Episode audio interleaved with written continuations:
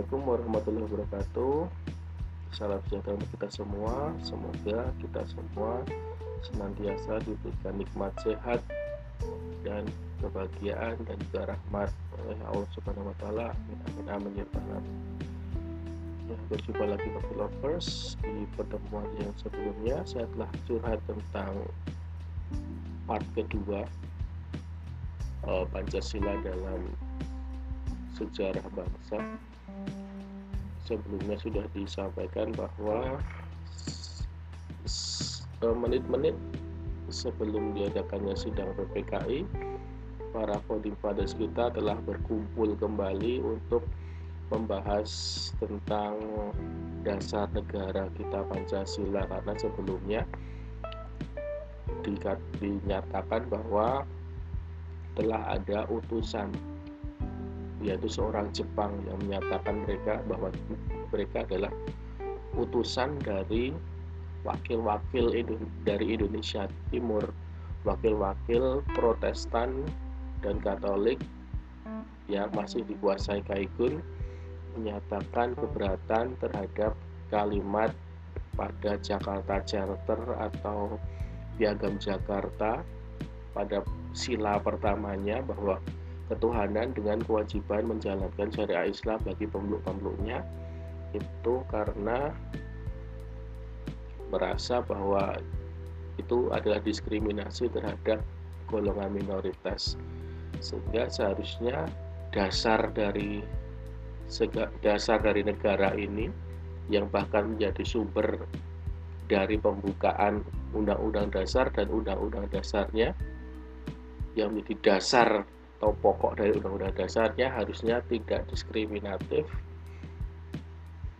Pokok dari pokok oleh sebab itu haruslah teruntuk bagi seluruh bangsa Indonesia dengan tiada kecuali jika ini tetap dilaksanakan juga tidak diubah maka uh, utusan dari Jepang menyatakan bahwa lebih baik uh, golongan dari Indonesia Timur ini lebih suka berdiri sendiri di luar Republik Indonesia jika Jakarta Charter tersebut tetap ditetapkan menjadi dasar negara. Oleh sebab itu, uh, pada 18 Agustus paginya diadakan rapat oleh para founding fathers selama 15 menit untuk mengubah tujuh kata di dalam piagam Jakarta itu pun dihapus menjadi sila pertama ketuhanan yang Maha Esa. Itulah uh, dengan waktu yang singkat itu akhirnya Jakarta Charter yang telah disetujui sebelumnya dalam uh, persidangan sidang oleh panitia 9 akhirnya harus diganti di sidang PPK yang pertama pada 18 Agustus menjadi dasar negara kita adalah Pancasila seperti saat ini lima sila saat ini. Nah, jadi menurut saya ya untuk for the best gitu ya teman-teman bakti lovers bahwa ada penggantian seperti itu meskipun juga setelah itu pun masih terdapat perdebatan mengapa kok tujuh kata itu harus dihilangkan ada pro dan kontra di sana ada golongan agama merasa harus bersabar hati tapi sekali lagi itu adalah for the best untuk kebaikan bangsa Indonesia. Jadinya dasar negara kita lebih um, merangkul semuanya, lebih menyatukan kita Pancasila yang saat ini. Gitu. ya, jadi akhirnya para polifatis itu saling sepakat dengan Pancasila yang saat ini. Kemudian selain itu juga terdapat beberapa perubahan. Selain di Pancasila juga kata muka dimah dalam pembukaan Undang-Undang Dasar 1945 diganti menjadi pembukaan. Jadi bukan lagi muka dimah tapi pembukaan. Kemudian juga kalimat beragama Islam di dalam pasal 6 ayat 1 yang semula berbunyi adalah pasal 6 ayat 1 Undang-Undang Dasar Presiden ialah orang Indonesia asli dan beragama Islam berubah menjadi presiden ialah orang Indonesia asli. Kemudian di pasal 29 ayat 1 diubah dari negara berdasarkan atas ketuhanan dengan kewajiban menjalankan syariah Islam dan peluk-peluknya diubah menjadi negara yang berdasarkan atas ketuhanan yang Maha Esa. Jadi itulah antara lain eh, hasil sidang PPKI dari tadi itu selama beberapa menit konsensus para fathers kemarin sudah sampai itu. Dan jadi inilah antara lain perbedaan antara BPPKI dan PPKI kalau BPPKI adalah Dokurisu Jumbi di Osaka sedangkan PPKI adalah Dokurisu Jumbi Kinkai. Jika BPPKI dibentuk 1 Maret dijanjikannya 1 Maret meskipun akhirnya diadakan pada 28 Mei diselenggarakan pesta pembukaannya. Sedangkan di PPKI tanggal pembentukannya pada 7 Agustus setelah uh, Pak Presiden Soekarno dipanggil ke dalam Vietnam untuk membahas pembentukan PPKI sebagai realisasi janji Jepang memberikan kemerdekaan dan di tanggal 6 Agustus juga telah terjadi bom atom di Hiroshima. Kemudian kalau BPKI jumlah anggotanya 67 orang, diketuai oleh Dr. Raji Manwek Yodiningrat, sedangkan PPKI jumlah anggotanya 21 orang dan semuanya adalah orang Indonesia yang tidak eh, didasarkan pada jumlah-jumlah suku gitu dan diketuai oleh Insinyur Soekarno sedangkan BPPKI tugasnya adalah menyelidiki dan mempelajari usaha-usaha persiapan kemerdekaan Indonesia termasuk tata perintah pemerintahan mendirikan suatu negara yang merdeka sedangkan PPKI tugasnya mempersiapkan pemindahan kekuasaan dan merumuskan berbagai perangkat awal yang diperlukan setelah merdeka.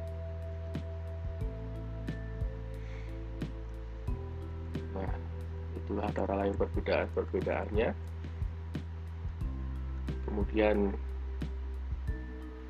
eh, setelah sidang setelah kita menyatakan proklamasi kemerdekaan tidak serta merta bangsa Indonesia ini lalu damai-damai saja. Dalam sejarahnya kita mengingat bahwa bangsa Indonesia tetap masih harus berjuang untuk mempertahankan kemerdekaan dari agresi militer Belanda yang saat itu menumpang pasukan sekutu. Karena pasukan sekutu sudah menang melawan Jepang lalu pasukan sekutu misinya berikutnya adalah untuk melucuti senjata-senjata dari tentara Jepang di wilayah-wilayah koloni jajahan Jepang termasuk di Indonesia. Jadi pasukan sekutu itu mendarat di Indonesia. Misi awalnya adalah untuk melucuti tentara Jepang namun ternyata ada ada kepentingan lain di sana. Ada negara Belanda yang ternyata ingin menjajah Indonesia lagi ingin mengambil alih Indonesia lagi dari Jepang.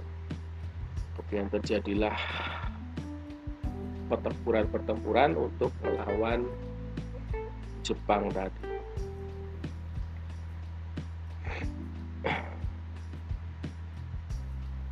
pertempuran-pertempuran melawan Jepang kemudian diadakan perundingan Linggarjati pada tahun 1946 yang intinya adalah menyatakan bahwa Belanda mengakui secara de facto atau secara fakta wilayah Republik Indonesia namun hanya Jawa, Sumatera, dan Madura. Kemudian yang kedua Belanda harus meninggalkan wilayah RI paling lambat tanggal 1 Januari 1949. Yang ketiga, pihak Belanda dan Indonesia sepakat membentuk negara Republik Indonesia Serikat. Yang keempat, dalam bentuk Republik Indonesia Serikat tersebut, Indonesia harus tergabung dalam Commonwealth atau Persemakmuran Indonesia Belanda dengan mahkota negeri Belanda sebagai kepala unitarian. Jadi Republik Indonesia adalah bagian dari negara-negara persemakmuran Belanda Commonwealth. Namun kemudian terjadi pelanggaran perjanjian dan terjadi agresi militer Belanda yang pertama yaitu pada Juli 1947. Nah, ini sebagai kedok untuk masyarakat dunia internasional Belanda menamai agresi militer ini sebagai aksi polisionil atau aksi tindakan ini sebagai urusan dalam negeri untuk menciptakan keamanan di Indonesia. Jadi polisi. Jadi seakan-akan di Indonesia itu ada kelompok bersenjata yang meresahkan rakyat, meresahkan bangsa, ada kriminal-kriminal begitulah. Dan Belanda ini bertindak sebagai polisi untuk uh, menghabisi pemberontak-pemberontak itu. Padahal pemberontak-pemberontak itu ya adalah pejuang bahasa, bahasa Indonesia kita sendiri, pejuang kemerdekaan, tapi mereka menyebutnya sebagai yaitu penjahat sehingga Belanda di sini adalah sebagai pihak polisinya, pihak yang baiknya gitu. Ini mengkamuflase kedok agar masyarakat dunia internasional itu tidak menganggap bahwa Belanda itu sebagai penyerang. Kemudian Indonesia secara resmi mengadukan agresi militer yang dilakukan oleh Belanda ke PBB.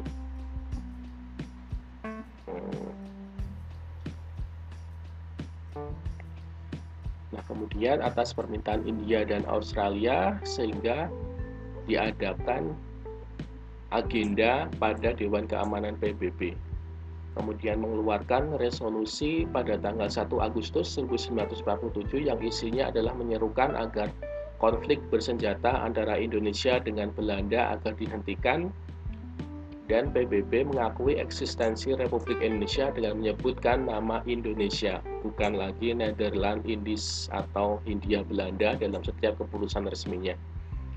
Kemudian pada 17 Agustus 1947 itu juga kedua pihak menerima resolusi PBB tersebut untuk kejahatan senjata di kapal Renville sehingga disebut sebagai perjanjian Renville ya itu oleh komisi tiga negara ada negara Australia mewakili Indonesia dan negara Belgia mewakili Belanda.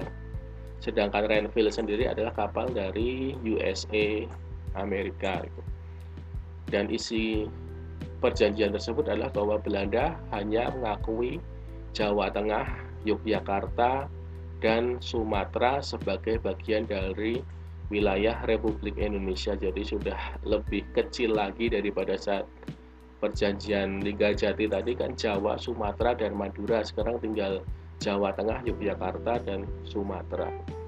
Kemudian yang kedua adalah disetujuinya sebuah garis demarkasi yang memisahkan wilayah Indonesia dan daerah pendudukan Belanda. Jadi dibuat garis uh, garis khayal itu yang memisahkan antara wilayah Indonesia dengan daerah Indonesia yang diduduki oleh Belanda.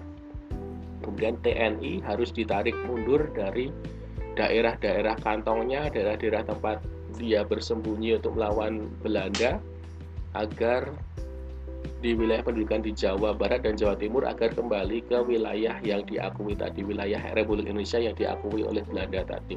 Jadi harus mundur dari wilayah-wilayah yang diduduki Belanda. Itulah perjanjiannya dan disetujui oleh kedua pihak.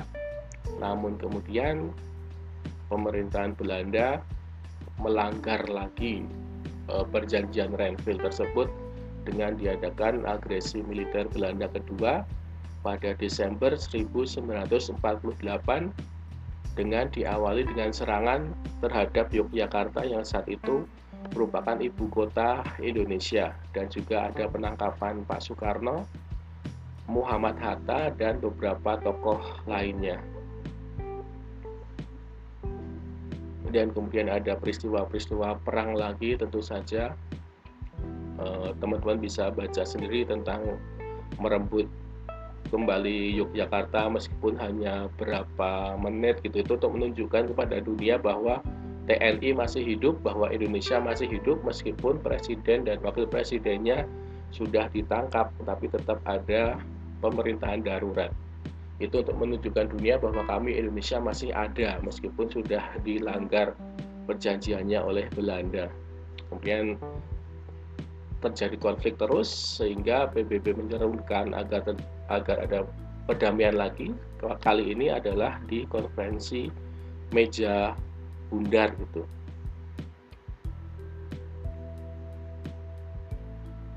Nah, di konferensi meja bundar ini menghasilkan perjanjian bahwa kerajaan Belanda menyerahkan kedaulatan atas Indonesia yang sepenuhnya kepada Republik Indonesia Serikat dengan tidak bersyarat lagi dan tidak dapat dicabut. Oleh karena itu mengakui Republik Indonesia Serikat sebagai negara yang merdeka dan berdaulat.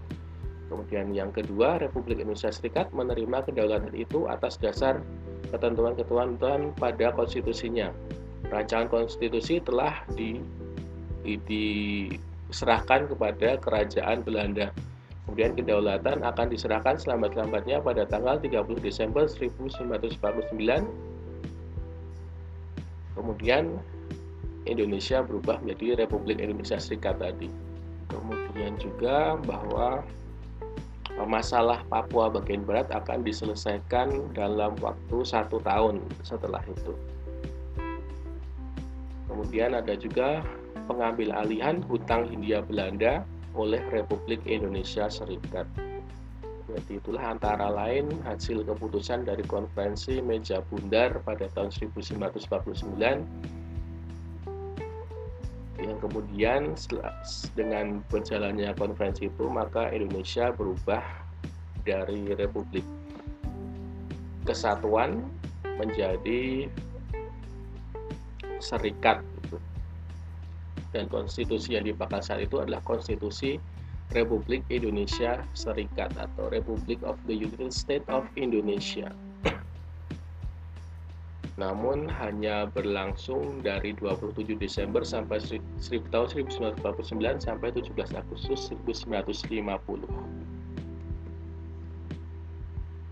Nah, ini adalah contoh, eh bukan, ini adalah pembukaan atau muka mukadimah konstitusi RIS di situ kita bisa lihat dasar negaranya adalah masih sama yaitu pengakuan ketuhanan yang Maha Esa, perikemanusiaan, kebangsaan, kerakyatan, dan keadilan sosial sebagai dasar negaranya.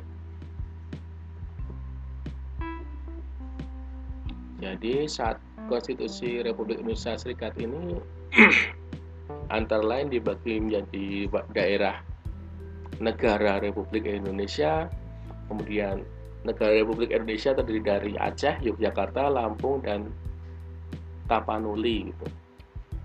Dan juga negara-negara bagian ada negara Sumatera Timur, negara Sumatera Selatan dan lain-lain bisa dibaca sendiri oleh teman-teman.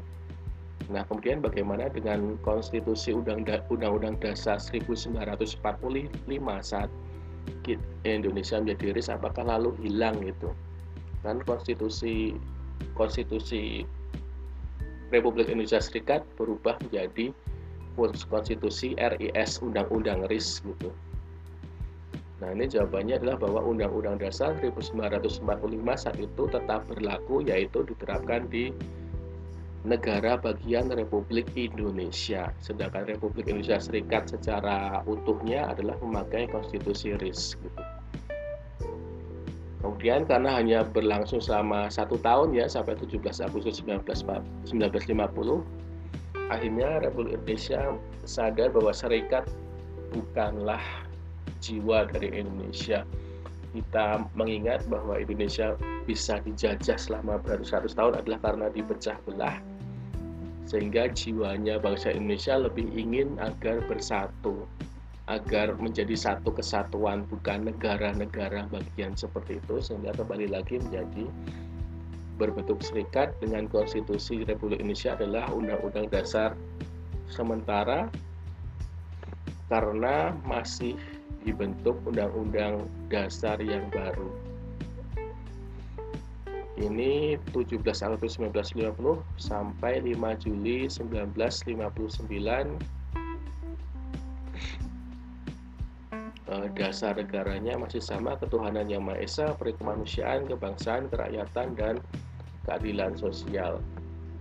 Nah, saat kita dalam konstitusi Undang-Undang Dasar 1950 ini kita mengadakan dua pemilu atau pemilihan umum pada tahun 1955 untuk membuat dua lembaga. Yang pertama adalah lembaga konstituante. Ini adalah tugasnya untuk merumuskan konstitusi, sedangkan lembaga yang kedua adalah DPR. Nah, saat konstituante ini merumuskan konstitusi yang baru untuk menggantikan Undang-Undang Dasar 1945 dan juga Undang-Undang Dasar yang sementara ini.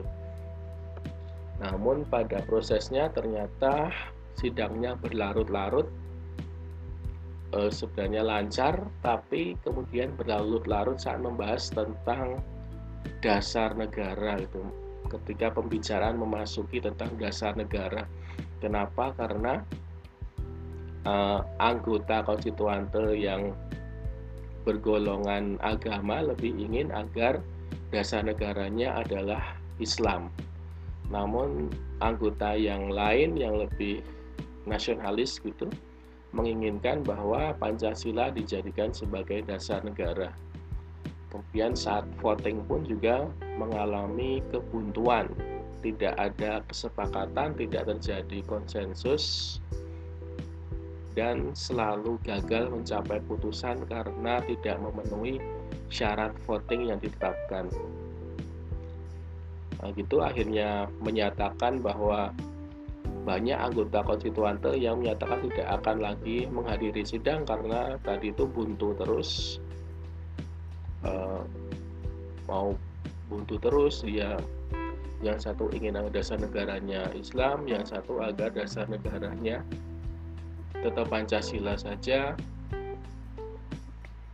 Tidak terjadi konsensus ini menyebabkan keprihatinan bagi bangsa Indonesia sehingga Pak Soekarno sebagai presiden harus mengambil tindakan dengan mengeluarkan dekret presiden 5 Juli tahun 1945 yang isinya adalah ini. Presiden Republik Indonesia sebagai Panglima tertinggi Angkatan Perang menetapkan pembubaran konstituante dan menetapkan Undang-Undang Dasar 1945 berlaku lagi bagi segenap bangsa Indonesia dan seluruh tumpah darah Indonesia terhitung mulai hari tanggal penetapan dekret ini dan tidak berlakunya lagi Undang-Undang Dasar sementara. Kemudian dibentuk Majelis Permusyawaratan Rakyat Sementara yang terdiri atas anggota-anggota Dewan Perwakilan Rakyat ditambah dengan utusan daerah dan golongan-golongan serta pembentukan Dewan Pertimbangan Agung sementara akan diselenggarakan dalam waktu sesingkat-singkatnya. Itulah antara lain dekrit, dekrit Presiden 5 Juli tahun 1959. Oh ini maaf. Tahun 1959.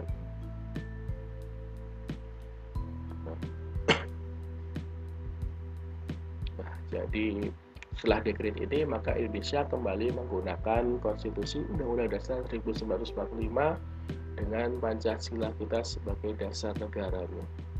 Hmm. Nah, namun meskipun demikian, meskipun sudah kembali kepada Undang-Undang Dasar 1945, namun dalam prakteknya juga masih terdapat uh, pelanggaran atau pelencengan dari Undang-Undang Dasar tersebut. Misalnya adalah pengangkatan Pak Soekarno sebagai Presiden Republik Indonesia seumur hidup yaitu pada dengan dikeluarkannya ketetapan MPRS nomor 3 tahun 1963 tentang pengangkatan pemimpin besar Revolusi Indonesia Bung Karno menjadi Presiden Republik Indonesia seumur hidup. Jadi saat itu ada juga kondisi ekonomi yang semakin terburuk, inflasi juga dikatakan mencapai 500 persen, banyak rakyat kelaparan, kesulitan ekonomi, dan juga terjadi pemberontakan eh, Partai Komunis Indonesia juga, dan kemudian juga terdapat tuntutan rakyat tentang penurunan harga sembako, tentang pembersihan dari elemen-elemen PKI uh, dan lain-lain. Kemudian di saat yang gawat tersebut juga muncul golongan golongan bersenjata atau kelompok bersenjata yang tidak dikenal yang meresahkan masyarakat bahkan meresahkan mengancam keselamatan keluarga dari Presiden Soekarno saat itu. Sehingga kemudian Pak Karno dan beserta keluarga harus uh, disembunyikan itu. Sedangkan untuk pemerintahnya dikeluarkan apa yang menjadi pro dan kontra atau menjadi uh, perdebatan yaitu tentang dikeluarkannya surat perintah 11 Maret gitu yang memberikan kekuasaan kepada uh, Pak Soeharto untuk mengelola pemerintahan di Indonesia karena keadaan sedang darurat.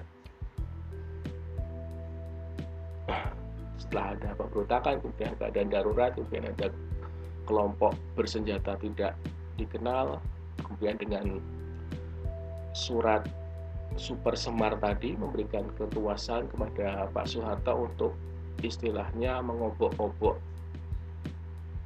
lembaga negara termasuk MPRS juga diobok-obok jadi orang-orang pihak-pihak yang pro Soekarno atas dalil untuk keamanan rakyat untuk membersihkan Partai Komunis Indonesia unsur komunis diobok-obok yang pro Soekarno diganti dengan tokoh-tokoh yang dikenal anti Soekarno gitu. Kemudian eh, terdapat ketetapan MPRS nomor eh, 18 tahun 1966 tentang peninjauan kembali ketetapan MPRS nomor 3 MPRS 1963 jadi yang tadi presiden seumur hidup tadi kemudian dihilangkan direvisi kembali.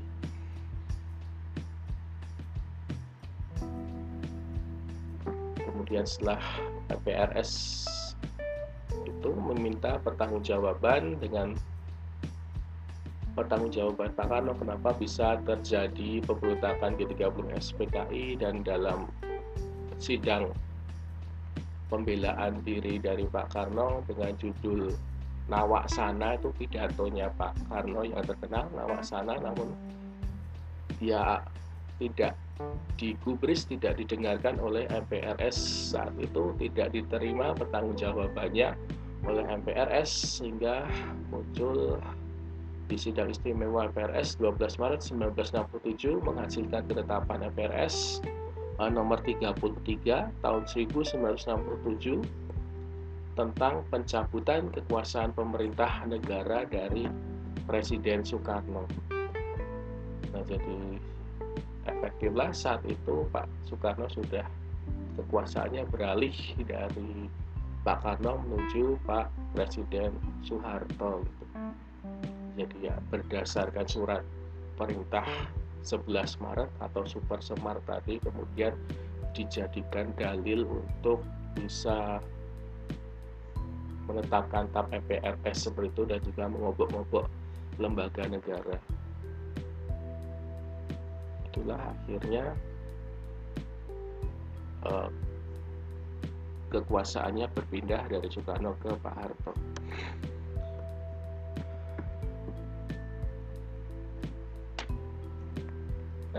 Juga sampai saat ini juga tidak tahu tidak tahu secara pasti ke keadaan atau kondisi saat itu peralihannya itu bagaimana. Apakah memang sesuai dengan yang dikatakan rezim Soeharto bahwa perpindahannya itu secara damai gitu?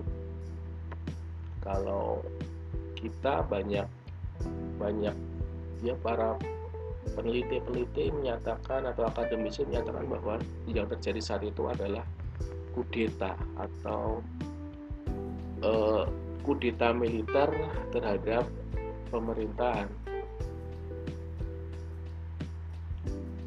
Ya, itulah jadi yang ingin saya jadi perdebatan kesejarahan gitu. Jadi yang ingin saya tekankan adalah agar generasi kita lebih memelihara sejarah, lebih tidak meremehkan sejarah. Kenapa? Karena dengan memelihara sumber sejarah bukan saja bermaksud untuk melestarikan masa lalu atau memelihara peninggalan lama, tetapi juga sesungguhnya berjaga-jaga akan kemungkinan terjadinya perdebatan kesejarahan yang bersifat disintegratif.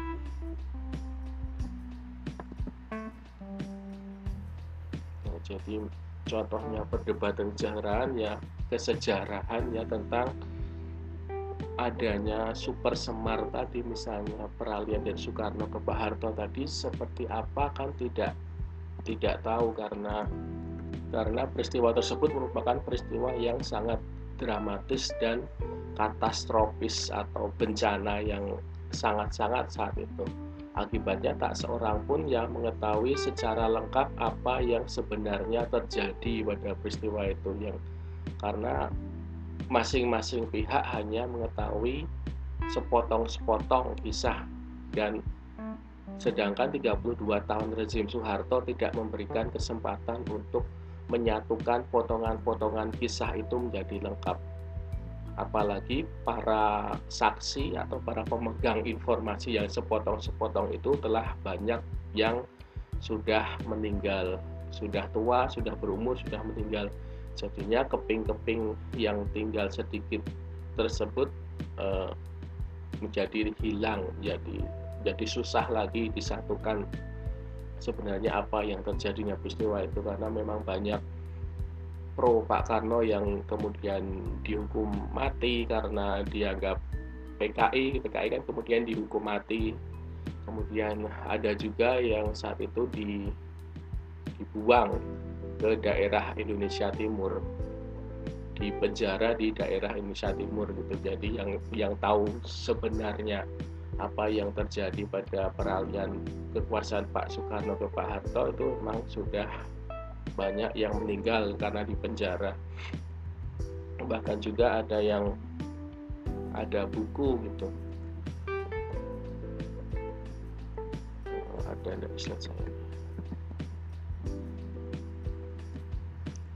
mungkin teman-teman Babi Lovers pernah dengar ada pengarangnya tapi sudah meninggal juga pengarangnya Pak Sukarjo Wilar Cito dengan bukunya mereka menodong Bung Karno itu. Jadi menyatakan bahwa saat itu Pak Karno ditodong oleh pistol untuk menandatangani menandatangani surat perintah 11 Maret tersebut. Itu dari kesaksian uh, pengawal pribadinya Pak Soekarno saat itu. Ini kemudian pada lengseran itu kemudian Pak Soekarjo ini pengawal pribadinya ini kemudian dipenjara oleh Orde Baru sehingga akhirnya pada saat Pak Soeharto lengser pada tahun 1998 akhirnya bebas itu akhirnya bisa membuat buku. Nah, jadi itulah teman-teman Bagi Lovers jika ada kritik dan saran ataupun ketidaksetujuan silahkan dihubungi saya. Bisa lewat pesan suara maupun lewat komentar. Jadi teman-teman Bakti Lovers kita juga harus menjaga sejarah karena agar tidak ada perdebatan sejarah perdebatannya misalnya sekarang ada perdebatan bahwa saat itu CIA atau intelijen Amerika turut berkontribusi dalam pelengseran Presiden Soekarno tapi kita ya tidak bisa begitu saja percaya dengan uh, klaim-klaim dari CIA dan lain-lain.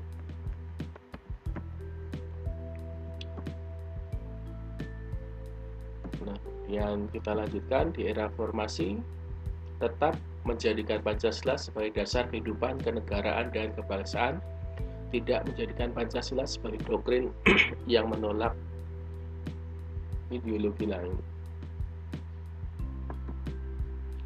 Tidak bisa dihindari Pancasila sebagai dasar negara.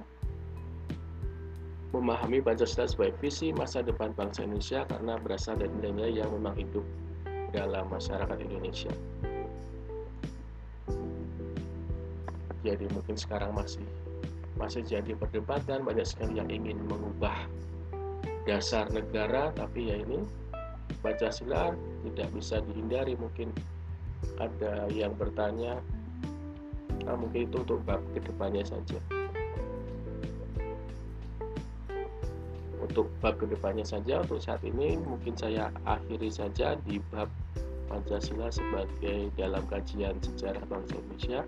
Kita bertemu lagi di punak-punak saya berikutnya. Terima kasih banyak wassalamualaikum warahmatullahi wabarakatuh. Terima kasih